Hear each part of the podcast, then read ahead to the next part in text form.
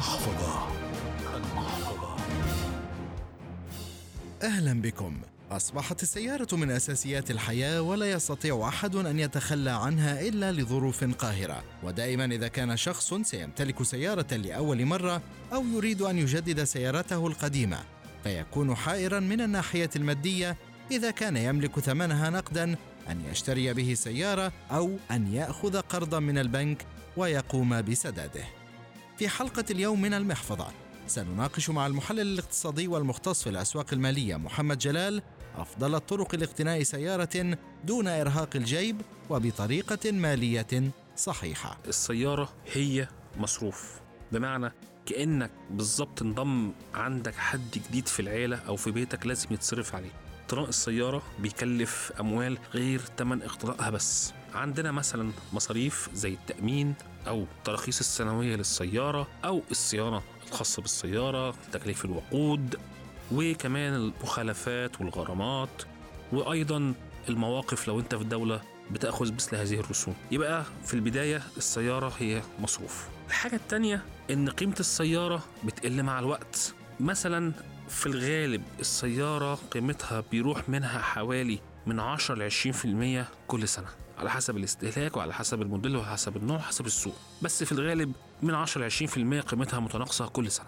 الحاجة كمان المهمة جدا لما نيجي نشتري سيارة نفكر فيها معدل إعادة بيع السيارة اللي بيسموها ال resale value اللي هو إيه بالظبط؟ هل السيارة اللي معايا من السهل بيعها هل السيارة اللي أنا عايز أشتريها من السهل إعادة بيعها لأن لو مش من السهل إعادة بيعها هتبقى في مشكلة. لو حبيت تتخلص منها مش هتعرف وفي نفس الوقت ممكن تبيعها بسعر بخس جدا أو رخيص جدا وبهنا تكون خسائر كبيرة. حاجة تانية مهمة لما نيجي نفكر نشتري سيارة هل ليها قطع غيار؟ وهل قطع غيارها متوفرة ولا لأ؟ لأن لو السيارة عطلت وملهاش قطع غيار في السوق فهي فعلا هتفضل عطلانة والفلوس اللي أنت دفعتها فيها لن يكون لها أي جدوى. فيما يخص طرق شراء السيارة أضاف المحلل الاقتصادي والمختص في الأسواق المالية محمد جلال بيجي حد يسأل يقول طب هل اشتري كاش ولا اشتري قسط؟ والله هنا في رأيين.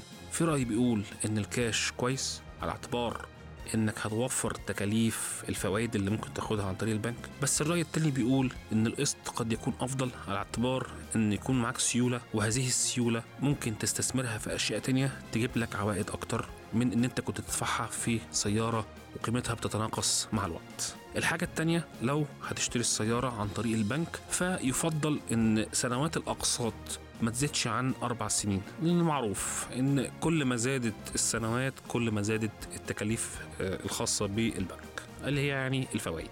أما عن نسبة الدفعة المناسبة من الراتب فقال المحلل الاقتصادي محمد جلال إيه هي بقى النسبة المثلى من المرتب اللي بدفعها كل شهر لاقتناء السيارة؟ هنا برضو في كذا رأي بس في الغالب الرأي الأول بيقول إن أقساط السيارة ما تزيدش عن من 7 ل 10% من صافي الراتب. وفي رأي تاني بيقول إن ممكن توصل ل 15% من صافي الراتب. بالنهاية أنت أدرى. فقرارك بين يديك. المحفظة.